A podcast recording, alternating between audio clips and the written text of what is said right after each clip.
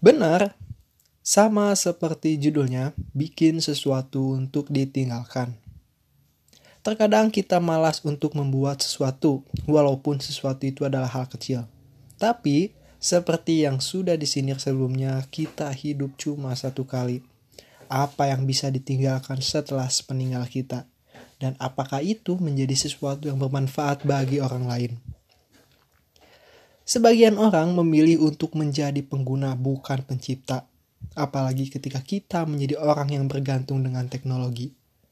Kenapa kita tidak berpikir orang-orang yang bergantung dengan teknologi buatan kita?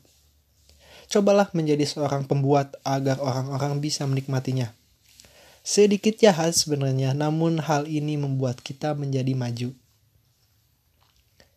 Bikin sesuatu ini akan menjadi harta warisan yang mengenang hidup kita. Sama seperti tulisan yang saya buat atau podcast yang teman-teman dengar sekarang jika saya meninggal setidaknya akan ada tracking atau hal yang membekas di teman-teman semua.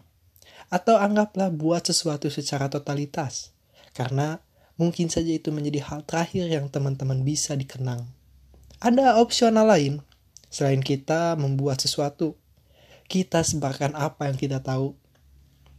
Seperti ilmu yang kita punya, maupun itu skill coding, skill masak, semua hal yang bisa teman-teman berikan, berikanlah Jangan berpikir rugi untuk menyebarkan ilmu. Atau apalagi jangan berpikir karena kuliah itu mahal-mahal, dapat ilmu mahal, kita tidak sebarkan ke orang lain. Enggak seperti itu.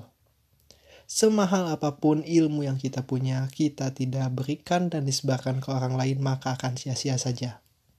Ilmu itu gratis. Baik ilmu ataupun sesuatu yang kita buat sangatlah diusahakan dapat membantu banyak orang tentunya hal positif.